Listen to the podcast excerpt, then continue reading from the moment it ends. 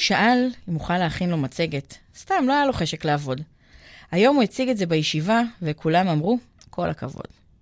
את השיר הזה כתבה גילי יובל, והוא מופיע בספר הפעם עם הקובץ, ובעמוד הפייסבוק, העבד הזה הוא אני. צהריים טובים, שלום לך מיכל. שלום. מה שלומך? מצוין. אני רוצה לספר לשומעות שלנו, שאנחנו מארחות פה היום את uh, מיכל לוי כצנלסון. Uh, מיכל מגיעה אלינו מה, משנים במערכת הצבאית ובמגזר הציבורי, ו, והחוויות שלך uh, בעולם, בעולמות האלה, שהם עולמות גבריים, ישר הדליקו אצלנו עניין וישר uh, uh, סקרנו אותי באופן אישי. ואני מרגישה שלשומעות שלנו, לשומעות של הפודקאסט מקריירות, יהיה מאוד מעניין לשמוע את זה ולצלול לעולם הזה שבאמת מעטות בו אנשים באופן יחסי, בטח ביחס לכמות השומעות שלנו. אז, uh, אז ברוכה הבאה, ובואי ספרי לנו באמת על עצמך. מי את, מיכל לוי כצנלסון? אוקיי, okay, אז אני, קודם כל אני אימא לשלושה ילדים, לשתי בנות בכיתה י"א ובן uh, בכיתה ז'. אה, אני נשואה ליניב, מהנדס, אה, עובד בחברה, בחברת הייטק. יש לנו גם כלבה, ואנחנו גרים ברמת השרון. אה, מעבר לזה, אני היום מנטורית למנהלים ומנהלות. אחרי שנים שעשיתי מנטורינג בעצם בכל מערכת שהייתי בה, כאיזשהו הובי שלי, כמשהו שאני אוהבת, כי אני אוהבת אנשים, ארגונים, ולהסתכל על הכל, להתבונן ורגע לראות איך אפשר לקדם את זה. אמ, באמת מאחורי 22 שנים אה, בצה"ל, השתחררתי בדרגת סגן אלוף, אה, הייתי ממש בליבה של המטכ"ל, באגף המודיעין ובאגף התכנון, עשיתי תפקידים באמת אה, מדהימים, פיקדתי על אנשים. ו... ואחר כך גם השתחררתי, לפני ארבע שנים בעצם פרשתי מהצבא, ועברתי למשרדי ממשלה לתקופה של שלוש שנים, וגם שם עשיתי תפקידים ניהוליים. בהקשרים, אה, בעיקר בהקשרים חברתיים. אוקיי. Okay. בעצם לאחרונה סיימתי והפכתי את התחביב לג'וב. זהו, זה מאוד מסקרן, כי המילה mentoring הרבה פעמים היא, היא מסוג הגדרות התפקיד הלא ברורות האלה, שנופלות לפעמים לאיזה מין משהו שאנשים מגדירים את עצמם כמנטורים, או יש פה איזה משהו שהוא לא, לא לגמרי ברור עד הסוף. מה זה בעצם mentoring? mentoring זה למעשה שילוב בין קואוצ'ינג זאת אומרת, הבסיס, השיטה, המתודה, זה מתודה של coaching, mm-hmm. אבל, אבל את, שלא כמו coacher, את צריכה להיות במקום שבו זה שיושב מולך נמצא. זאת אומרת, אם אני עושה אה, אימון למנהלים, אם אני עושה mentoring למנהלים, אני צריכה להיות בעברי מנהלת ולהבין איפה הם, אה, איפה הם נמצאים, את הדילמות שלהם וכדומה. Okay. ולדעת גם לתת טיפים. זאת אומרת, אני לא רק שואלת שאלות ומשקפת, אלא אני גם נותנת מהניסיון שלי ומארגז הכלים שלי. וזה okay. בעצם, ה... אלה ההבדלים. אני מבינה, זאת אומרת שזה לא ליווי, אה, זה לא ייעוץ אה, אה, שהוא מתבסס על הקשבה בהכרח, אלא על ממש ייעוץ פעיל. כן, כן, אוקיי. הקשבה וייעוץ. זה נשמע מעניין. את למדת את זה במקום מסודר? כן, כן. למדתי את זה בהכשרה של הערך המנטלי. אה, למנטורים בכירים, אה, מאוד מאוד מעניינת, וזה בעצם סגר לי את הפינה של השנים אחורה שעשיתי מנטורינג באמת אה, גם בהתנדבות וגם כחלק מהתפקידים שלי בצבא. שזה מעניין. קודם כל, הצבא, כמו שאנחנו מכירים את המערכת הזו, מכירות את המערכת הזו, אנחנו נורא משתדלות לדבר פה ב... בלשון אה, אה, נשי. אה, הצבא היא מערכת גברית, מאוד. היא מערכת גברית שאת רואה, אנחנו גם רואות את זה, אמ, אנחנו רואות שמי שיוצא מהמערכת הצבאית, ממשיך אחרי זה גם לתפקידים בכירים במדינה, ומה שהופך את המיליה הצבאית הזאת למאוד מאוד אה, כוחנית, ושולטת גם בעולם החברתי שלנו בסופו של דבר, גם במגזר הציבורי. אמ, ואת אמרת שאת גם היית שם כמנטורית, אז בואי תספרי באמת על, ה, על החלק הזה שלה. אוקיי, okay, אוקיי. Okay. בעצם אני מאמינה שכל מפקד שיש לו אנשים, וזו אחריות מאוד מאוד כבדה, הוא צריך להיות שם בשבילם. אז אה, היו לי ממש קבוצה של, אה, קבוצה של אה, ראשי מדורים שהיו תחתיי, שממש לקחתי אותם ועשיתי להם מנטורינג. זאת אומרת, ישבתי איתם, כל אחד עם היעדים שלו, עם הפחדים שלו, עם הדילמות שלו, עם החסמים שלו. וישבתי וניסיתי לתת באמת מהניסיון שלי, אה, מהטיפים שלי, לתת להם כדי שהם יוכלו להתקדם ו- ולממש את היעדים שלהם. חלק מהם עד היום, אני, אני ממש כאילו ממשיכה את התהליך איתם, וחלק התקדמו ועפו פרסו כנפיים והמשיכו. זה מדהים, וכשהתחלת ככה לתאר את זה, אמרתי לעצמי, אני תוהה עד כמה ההתנהלות הזו נפוצה בצבא. אני יודעת שהיא לא מאוד נפוצה בעולם, ה, בעולם האזרחי, בעולם העסקי האזרחי, של באמת להיות אה, אה, מנהיג של, של ה... מנהל כמנהיג. אני יודעת שזו איזה מין שאיפה שהרבה מאוד מקומות אה, שואפים אליה, אבל, אבל בפועל זה לא באמת מה שקורה.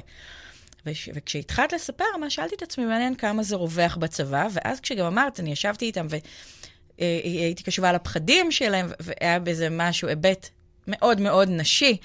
ואמרתי לעצמי, אולי זה מה שחסר בעצם בכל המקומות האלה, את הזווית הנשית הזו במנטורינג, שזה לא רק ללוות את העשייה המקצועית, אלא באמת לשים לב גם לנושאים הרכים יותר, להיבטים הפנימיים, הרגשיים, להסתכל גם על פחדים של אנשים שהם מייצרים, מייצגים חוזק ומייצגים... Mm-hmm.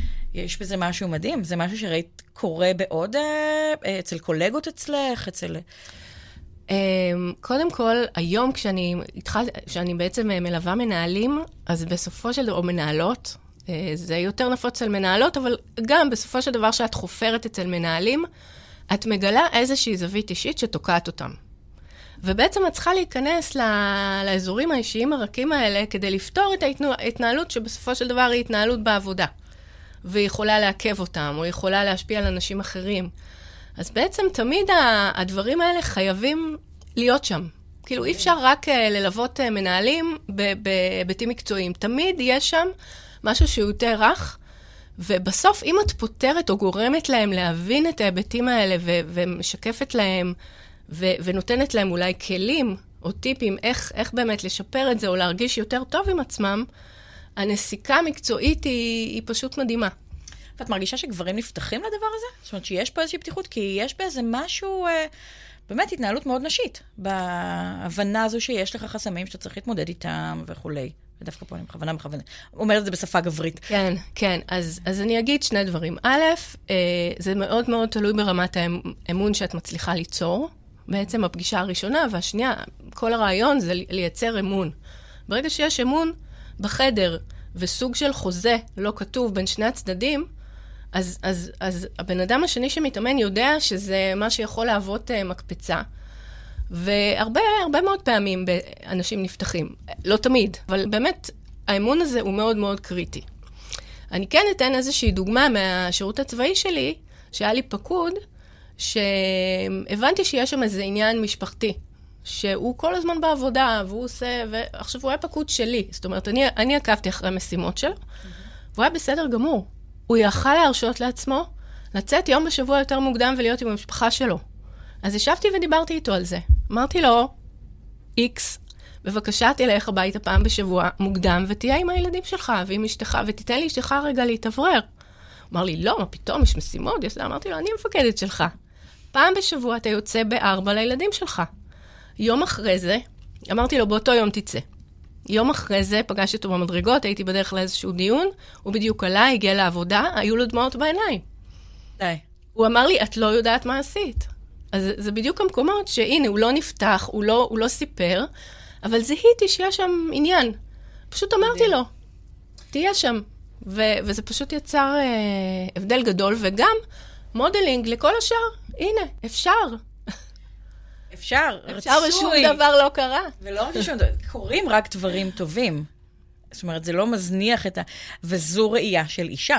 ואני יודעת שזה נשמע כמעט מאולץ שאני אומרת את זה בשיחה לקריירה נשית, אבל זה לא, כי אני, אני ממש רואה את הזווית הנשית פה נכנסת כדבר מאוד מאוד משמעותי. אני כמעט ולא רואה את הגברים באמת חושבים על, ה, על האפשרות הזאת, כי הדיפלט הוא... באמת, להיות אה, אה, כל יום עד אה, שבע בערב בצ... בבסיס או, ב... או בעבודה, ולתת את כל כולי, ואנשים בדרך כלל ישבו עם ה... אה, אה, ייקחו את הילדים מהגן וילכו איתם לגינה. ולחוגים, וזה דבר שאנחנו שמנו לב לזה, אנחנו רואות את זה הרבה בנטע אצלנו, אה, זאת אומרת, דרך הליוויים שאנחנו מספקות, זה משתנה כש, כשמתגרשים. זה משתנה כשמתגרשים, ופתאום גברים חייבים לצאת הביתה פעמיים בשבוע, לקחת את הילדים, ופתאום הם מסוגלים. נכון. אבל הדיפולט הוא לא שם. והעובדה שמפקדת אישה רואה את הדבר הזה, היא לא מקרית. זאת אומרת, מן הסתם יש פה גם הרבה מאוד מהאיכויות האישיות שלך, והניס... וניסיון החיים שלך, ובאמת הראייה החודרת את, ה... את הנפש של האדם שעומד מולך, אבל מעבר לכל זה, גם יש פה באמת את האישה שיודעת שאישה צריכה עזרה מגבר בבית, כי... והילדים צריכים את האבא שלהם בבית. נכון. באופן חד משמעי. נכון. אני עבדתי הרבה מאוד על האיזונים שלי בשירות הצבאי, וכל הזמן הגדרתי לעצמי קווים אדומים. מה אני לא מוכנה שיקרה. Mm-hmm. ואני ממש הכנסתי את זה ללוז. זאת אומרת, פעם בשבוע היה סגור, בארבע, לצאת. פעמיים בשבוע, בשעה טיפה יותר מאוחרת. אבל לא נתתי לעצמי להישאב. אה, כמובן שבצבא יש תקופות, אה, מבצעים ותרגילים ועניינים שבאמת הייתי פחות בבית. אבל כשיכולתי, זה היה לי מאוד מאוד חשוב, ואני חושבת שעשיתי modeling לכל הסביבה שלי. זאת אומרת, הנה, זה אפשר. ואני יכולה... מדהים לילדים שלך, דרך אגב. אני חושבת שהם קיבלו דוגמה חיובית. ספרי לי קצת באמת על איך זה להיות אישה בתוך מערכת, uh, בתוך מערכת גברית כזו. ראיתי שאת מעבירה הרצאות בנושא הזה, שזה כמובן הדבר שהכי הדליק אותי. ואמרתי לעצמי, טוב, זה... זה... המאזינות שלנו חייבות לשמוע את זה.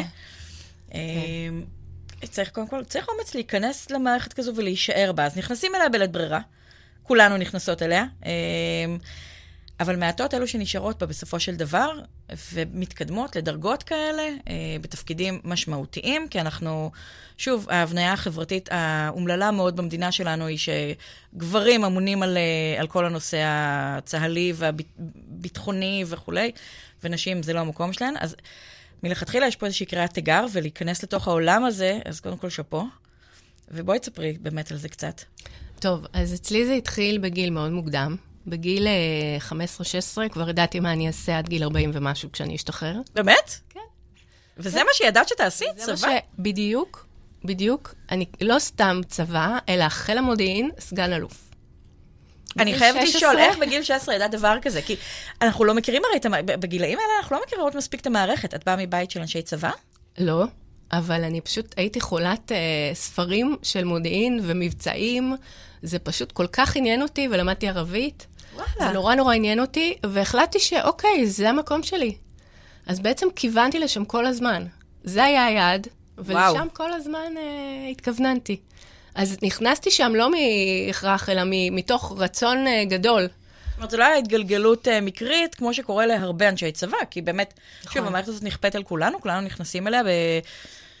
בלית ברירה, וחלק ממשיכים, ואת אומרת, את ממש ידעת גם שאת הולכת להיות אשת אה, מודיעין, יודעת איזה דרגה את הולכת להיות, שזה נורא מרשים בעיניי, בטח בגיל, בגילאים הצעירים, כי אני בדיוק אה, ישבתי השבוע עם הבת המתגייסת שלי, וניסיתי לעבור איתה קצת על, על, על ההיררכיה הצבאית, ומה בכלל מחכה לה שם, זה...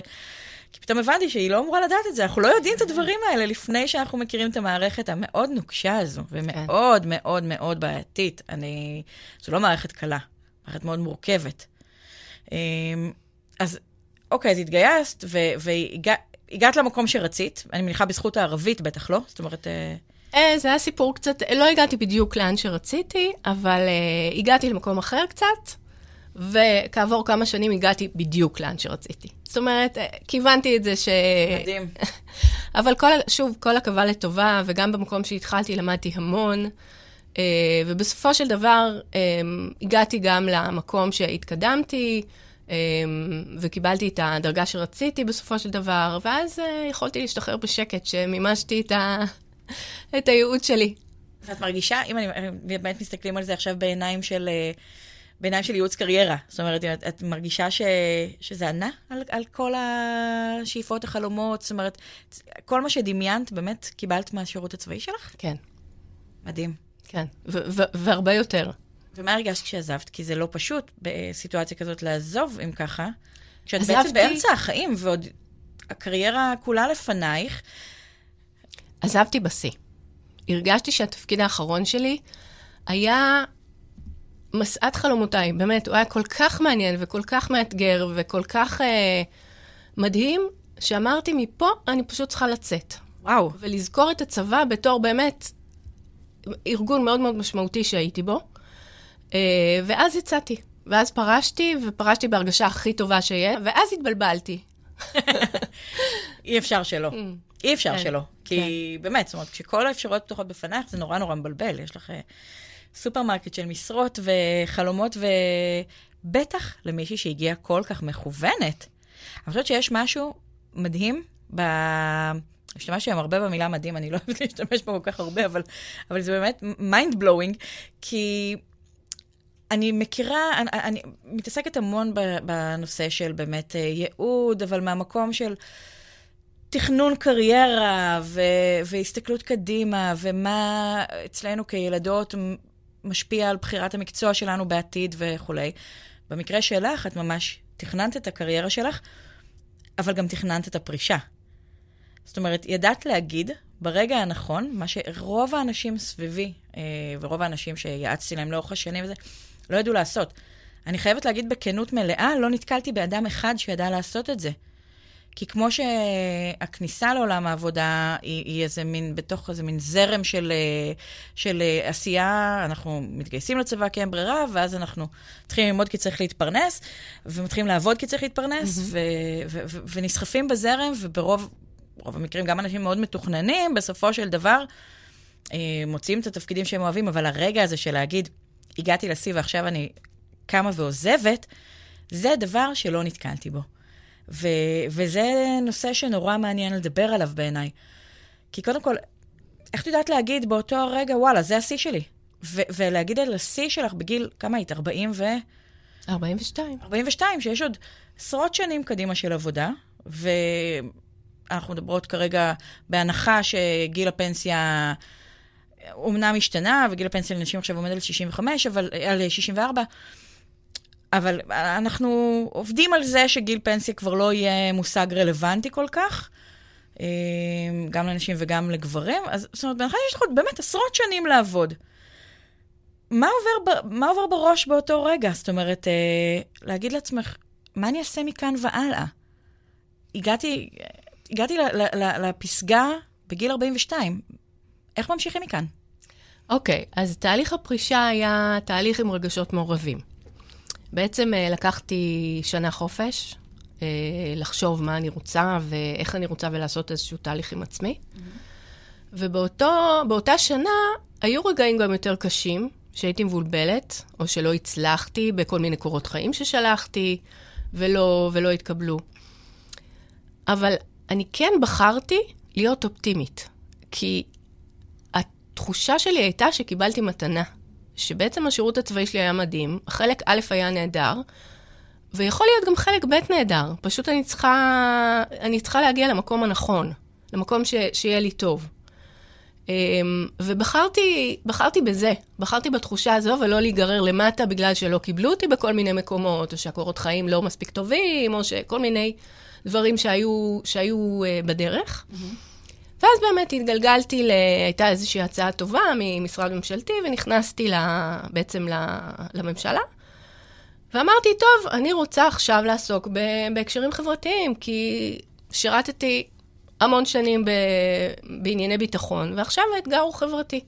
זהו, כשאת אומרת שנכנסת למשרד הממשלתי, אני חושבת שאצל כל השמועות שלנו זה ישר הדליק את ה... טוב, בטח משרד הביטחון, אבל זה לא היה משרד הביטחון. לא. זה היה, המשרד הראשון שנכנסתי אליו היה משרד המודיעין. Uh, וידעתי שזה דריסת רגל כדי להגיע למשרד חברתי. Mm-hmm. וזה בדיוק מה שקרה. זאת אומרת, ברגע שמיציתי שם והייתה לי הזדמנות, עברתי אחר כך למשרד האוצר, למינהלת uh, שנפתחה שם בתחום התעסוקה, וניהלתי שם... מנהלת המעסיקים? מנהלת, uh, לא המעסיקים, מנהלת התעסוקה וההכשרות. Uh, היא הייתה קיימת רק חצי שנה, אבל בעקבות הסגירה שלה בעצם עברתי לזרוע העבודה במשרד הכלכלה, בזמנו, ושם באמת התעסקתי בענייני תעסוקה שמאוד עניינו אותי. אמ, בתום שלוש שנים הבנתי שאני צריכה לעשות צעד נוסף. זאת אומרת שאוקיי, זה היה מעניין, אבל זה לא לגמרי עונה על השאיפות שלי. Mm-hmm. ואז בעצם סיימתי שם והחלטתי שאני הולכת להיות עצמאית. ואז הבנתי, בעצם כל האסימונים נפלו, הכל התחבר, והבנתי שאני רוצה להתעסק עם ארגונים עם אנשים ו... אה, ועם מנטורינג. והכל התחבר. אז בעצם אם אנחנו מסתכלות על מסלול הקריירה שלך ממש כמסע, הוא כל הזמן במצב של התפתחות. זאת אומרת, הוא לא במצב של אה, אה, ברירות מחדל, ולא במצב של, אה, אה, טוב, עזבתי ונפלתי לתוך איזה מין תהום לא ברורה, אלא ההפך, הכל מאוד מאוד מכוון, מאוד מחושב. אה, את יודעת מה את הולכת לעשות בצבא? השתחררת, ידעת למה את מכוונת באזרחות. השגת את זה? שוב, באיזשהו רגע של מיצוי, אמרת, אני, אני לא אחכה שזה כבר ישחק אותי, אני אעזוב עכשיו ואמשיך לצעד הבא. נכון. זאת אומרת שיש פה ממש מסע שהוא מסע של התפתחות וצעידה ככה כל הזמן. אני חושבת שבין התובנות שאנחנו ככה אוספות בכל השיחות שלנו, זה אחד הדברים החשובים בעצם להגיד, שגם בסיטואציה הזו, אה, המעבר מקריירה אחת לשנייה, יש בה, יש בה המון התלהבות, עניין, ו, ואם יודעים מתי להתחיל אותה, מתי לעצור אותה, אז יש בזה משהו כל כך חזק ועוצמתי, כי הנושא הזה של מעבר בין קריירות הוא משבר ברוב המקרים. ואת לא חווית אותו כמשבר. זאת אומרת, גם שמרת על אופטימיות, אבל גם שמרת על אופטימיות כי ידעת לאן את הולכת.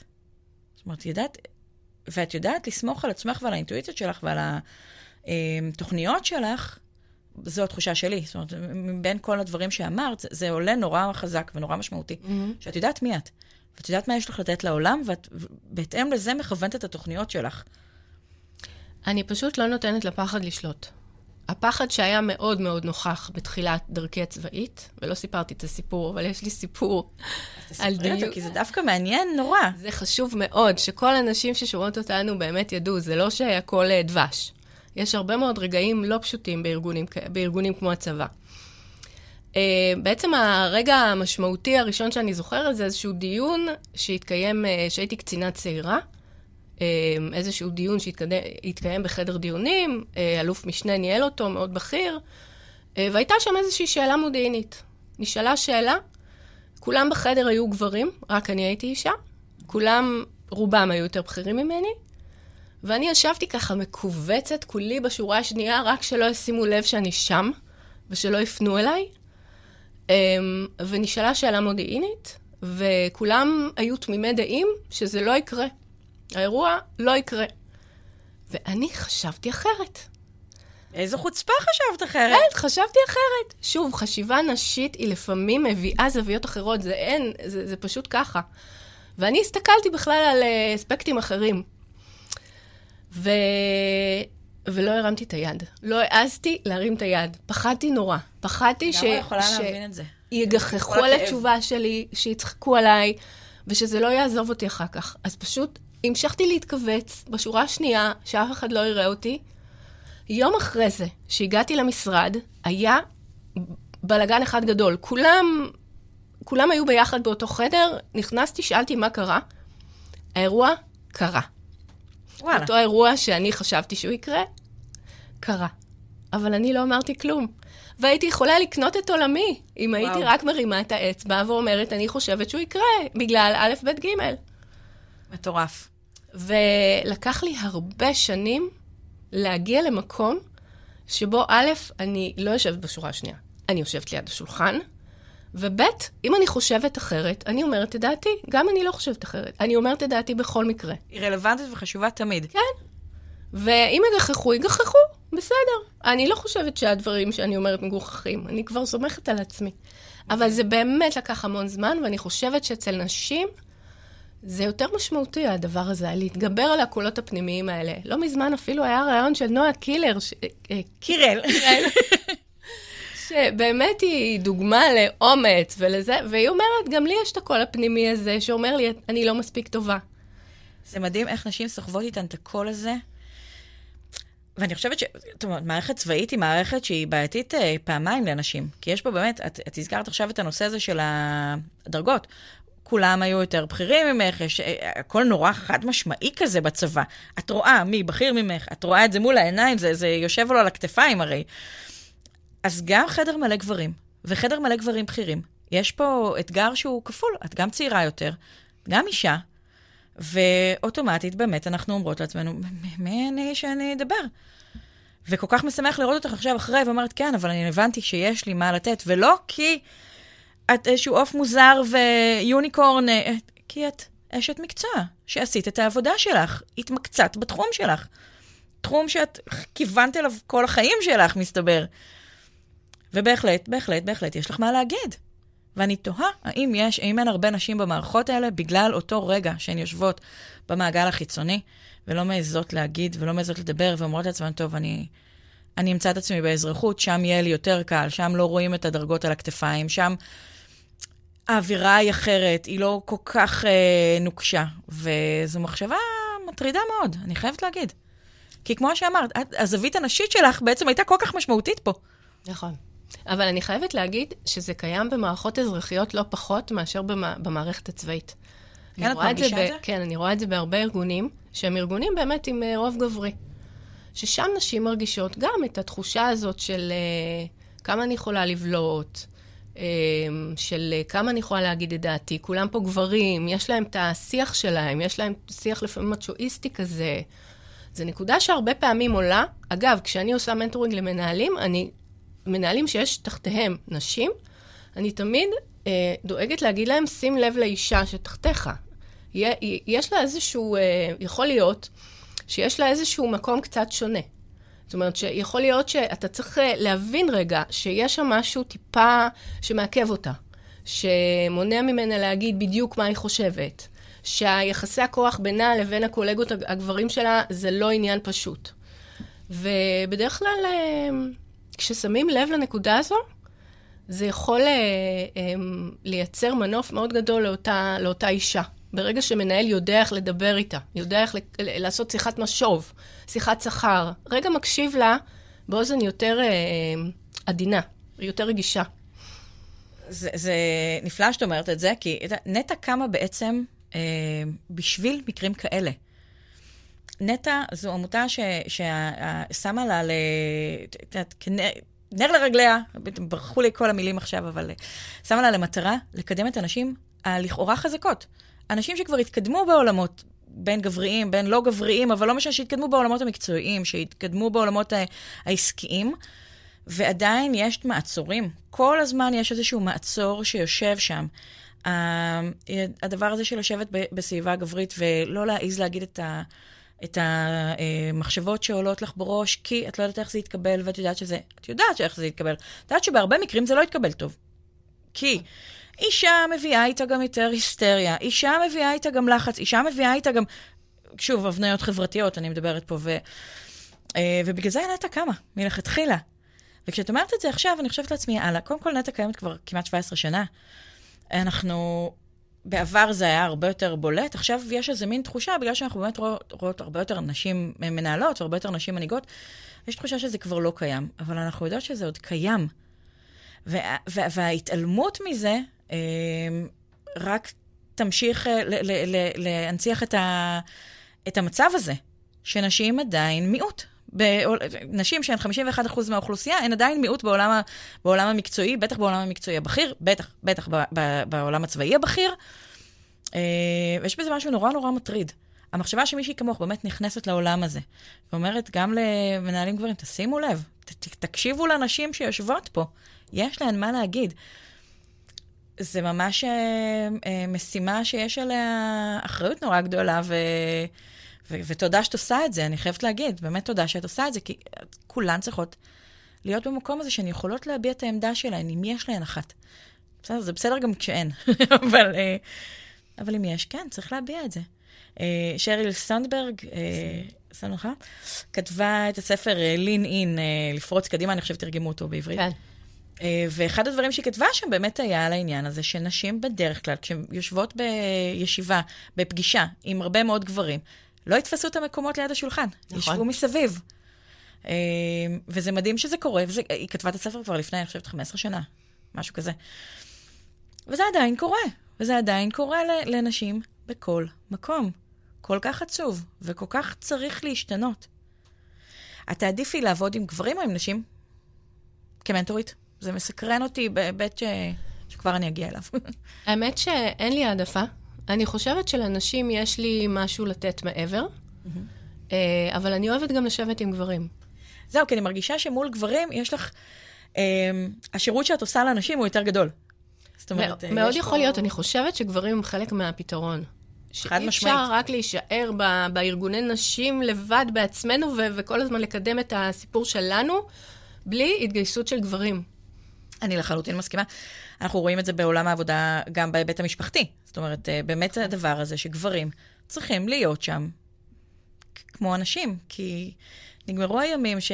שאישה עובדת רק אה, משרה חלקית או לא עובדת בכלל, ויכולה לגדל את הילדים וכולי, וטוב שהם נגמרו. וטוב שלאנשים יש את האפשרויות אה, למצות גם את החלומות שלהם, השאיפות שלהם, הייעוד שלהם. וכן, הגברים חייבים להיות חלק מזה. בגלל זה אני חושבת, כשאני חושבת על זה שאת אה, יושבת מול גברים, זה, זה עושה לי תחושה נורא נעימה, ואני אומרת לעצמי, אוקיי, צריך מישהי כמוה, צריך מישהי כמוה בדיוק מול הגברים, כי גבר לא יבין את הסיטואציה הזאת. גבר לא יבין שאישה לא מעיזה להגיד את מה שיש לה להגיד. ועם כל... ושוב, זה, זה לא כי אנחנו שונות מגברים במהות הפנימית שלנו, זה הכל כי אנחנו גדלות בחברה, שזה מה שהיא רואה לנגד עיניה, וככה היא מגדלת אותנו, וההסללות האלה מתחילות מגיל מאוד מאוד צעיר. ואת תהיי יפה ותשתקי, ותהיי עדינה, ותהיי נעימה ותרצי כל הזמן, ותעשי הכל כדי לרצות.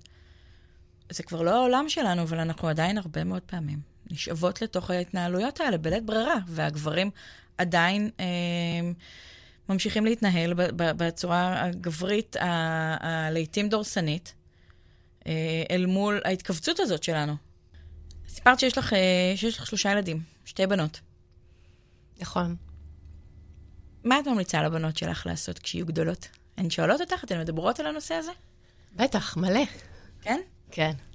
אז קודם כל, אה, לבחור בעצמן, אוקיי. דבר ראשון. לא, אנחנו לא לוחצים לשום, אה, לשום אה, כיוון שהוא. אה,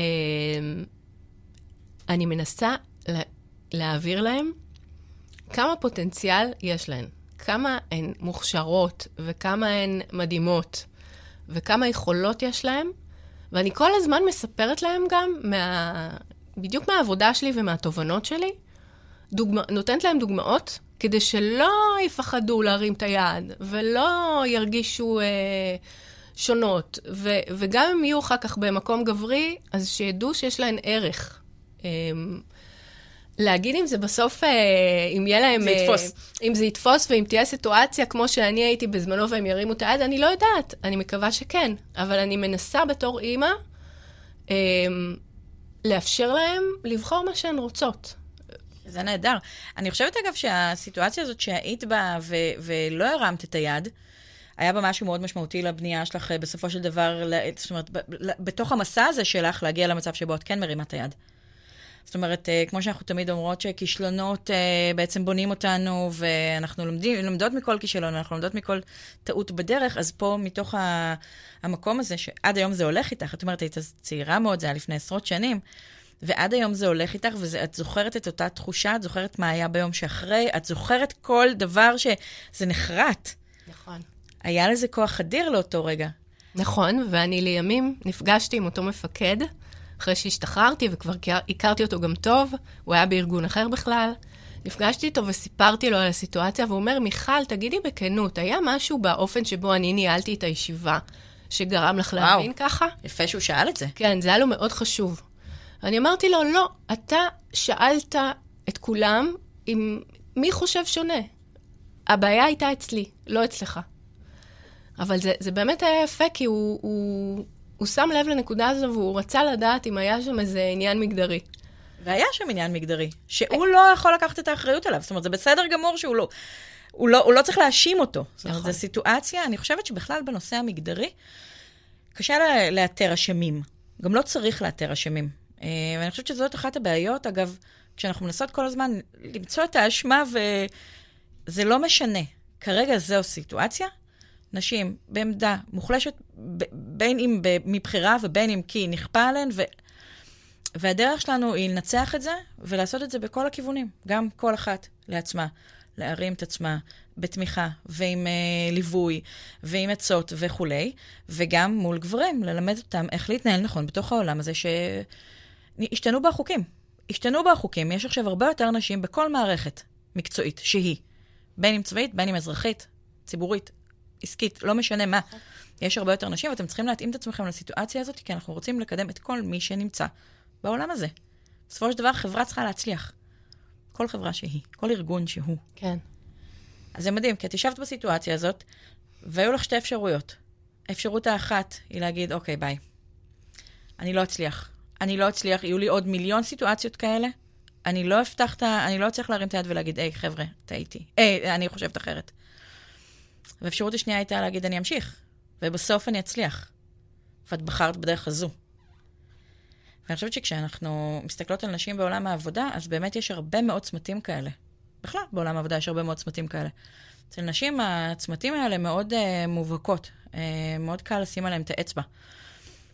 מובהקים, צומת, תמיד, תמיד זה יהיה תקוע. Uh, ובאמת, ברגעים האלה, לשאול את עצמך את השאלה הנכונה, לדעת לעצור, לדעת לשאול את השאלה הזו ולדעת לענות את התשובה הנכונה. זה אולי הדבר הכי הכי חשוב, ואני חושבת שאם, אם, שוב, אם אנחנו אוספות פה תובנות, שאני מדברת אל, ה, אל השומעות שלנו, אני אומרת, זה מה שתיקחי מפה. לדעת מתי אה, לשאול את השאלות הנכונות, ולדעת גם לענות את התשובה, גם אם היא נורא מפחידה. כי היא מפחידה, להגיד, אני אמשיך וזה, וזה בסוף יהיה בסדר. זה נורא מפחיד. ובסופו של דבר, זה גם היה נורא מפחיד להגיד, אני רוצה להיות סגן אלוף במודיעין כשאת בת 16, זה מפחיד. זה לא משהו שהוא מובן מאליו. ולהגיד, אוקיי, אני יכולה להתגבר על הפחד הזה, כי אני מוכשרת, אני מכירה ביכולות שלי, אני מכירה בכישורים שלי, אני מכירה בחוזקות שלי. אז מעבר לזה שכל אחת צריכה להכיר בחוזקות שלה, להכיר אותן באמת, להבין מה הן, להבין מהם הכישורים שלה, להבין מה היא יכולה לתת לעולם הזה, אז היא גם צריכה לדעת מתי לשאול את השאלות הנכונות של האם להמשיך עכשיו, האם להפנות את המאמצים והאנרגיות והמשאבים שלי למקום אחר, אה, והאם אני מתגברת על הפחד. ואני חושבת שבנקודה הזו, אה, את לקחת תמיד את ההחלטות הנכונות, טפו טפו, כן? אני לא... עוד יש קריירה שלמה לפנייך. אבל את לקחת תמיד את ההחלטות הנכונות, כי הן נבעו מתוך מחשבה מאוד בהירה. תקני אותי אם אני טועה, אבל זו התחושה שלי. אני חושבת שהייתה שם אסטרטגיה. אוקיי. ואני באה מהעולם האסטרטגי. גם בצבא עסקתי המון באסטרטגיה. אני חושבת שזה תמיד היה אצלי. Uh, לסמן איזשהו יעד ולראות איך אני מגיעה אליו בסוף. ואת עושה את זה. ואני עושה את זה, כן. וזה... אני מאחלת לכל השומעות שלנו שזה באמת מה שהן יעשו. יתייחסו לקריירה שלהן כאל מסע שיש לתכנן את האסטרטגיית יציאה אליו, ואת האסטרטגיית uh, צעידה בו. אז אני קודם כל רוצה להגיד לך המון המון תודה על זה ששיתפת אותנו בשיח הזה. ותודה על מה שאת עושה. אני חושבת שהוא חשוב, חשוב לכולנו וחשוב לחברה. והיה לי מעניין סופר לשמוע את, הסיפור, את הסיפורים שלך, ולשמוע על הקריירה שלך, ובאמת לאחל לכל השמעות שלנו שיאמצו את התובנות האלה ו...